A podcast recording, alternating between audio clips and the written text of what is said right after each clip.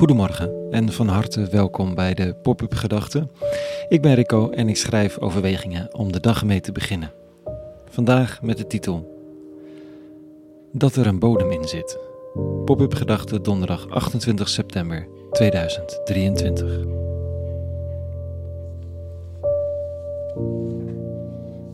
Hoe komen complimenten aan? Bij mij verdwijnen ze met enige regelmaat in een bodemloze put. Je kunt er niet genoeg van hebben, omdat ze ergens onderin terechtkomen en je ze zo weer bent vergeten of ze uit het zicht verdwijnen, of omdat er een andere put veel ondieper is. En dat is de put van de verwijten. Daar hoeft er iemand iets in te gooien, of die stroomt over. Gek toch eigenlijk, dat die bodems zo verschillen. En het gaat nog verder dan complimenten. Soms wil het leven gewoon niet zo. Dan werk je hard, maar de voldoening ontbreekt. Je neemt je rust, maar je wordt er niet rustig van. Je verdient eindelijk wat geld, maar het lijkt helemaal niet of het genoeg is. En eten, het is lekker en genoeg. Maar je zoekt eigenlijk voldoening en dat biedt het niet. Bodemloos. Soms is het leven eventjes bodemloos. Er wordt van alles in de put gegooid. Maar je blijft toch leeg achter. Misschien is dat wel het vaakst rond werk te horen. Wat heeft het voor zin? Misschien is het ook wel de reden dat mensen op de A12 staan, of juist met een populistische partij een vuist maken tegen de regering in zijn algemeenheid. Iets groots doen, iets dat verschil maakt, iets dat niet zomaar in de put verdwijnt, maar zich inklemt tussen de muren, een groot verhaal, een groot gebaar. Niet dat hiermee protesten worden weggezet als manier om je gevoel van onzinnigheid te dempen, maar het gevoel ertoe te doen is belangrijk.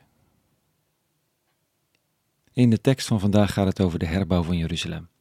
Een deel van het Joodse volk ver voor Christus mocht terugkeren naar het eigen land, nog steeds onder overheersing van een ander volk. En ze bouwden huizen, maar er miste iets. Dit staat er, zegt de profeet.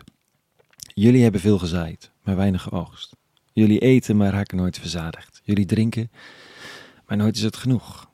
Jullie kleden je, maar je krijgt het nooit warm. De dagloner krijgt zijn geld, maar het verdwijnt in een beurs vol gaten. Dit zegt de Heer van de hemelse machten. Welke weg zijn jullie eigenlijk ingeslagen? Ga naar de bergen, haal daar hout en bouw mijn huis weer op. Een profeet die hier namens God aan het woord is, heeft een simpel antwoord op het gevoel van zinloosheid, op de onverzadigbaarheid naar prikkels, smaken, geld, vriendschappen of ook complimenten, denk ik zo. Een bodem in de put slaan doe je zo, zegt hij. Toen, heel lang geleden, tegen zijn volksgenoten. Bouw mijn huis, de tempel weer op. Een heilige plek in het midden van je leven. Waar je weer met dagelijkse rituelen eerbied leert voor het leven.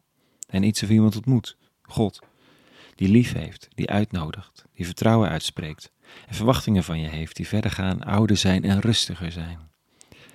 Dan die van je eigen geweten of de mensen om je heen.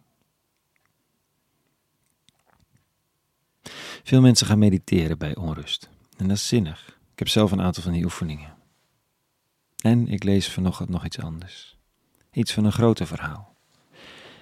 Niet alleen de symptomen bestrijden door mijn hart of hoofd tot rust te brengen, maar een huis bouwen in het centrum van mijn leven, of een altaartje, waar ik een kaars kan aansteken in eenvoudige eerbied voor het geschenk van het leven zelf.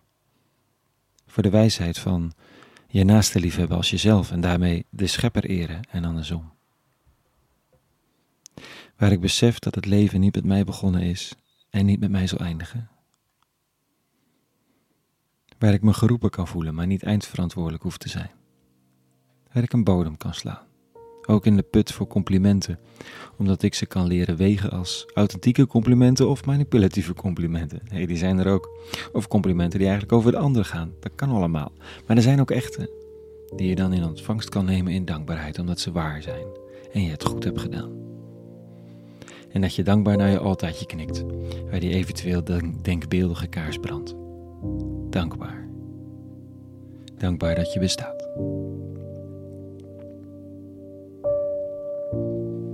Tot zover even de pop-up gedachten van vandaag. Een hele goede donderdag gewenst. En vrede voor jou. En alle goeds.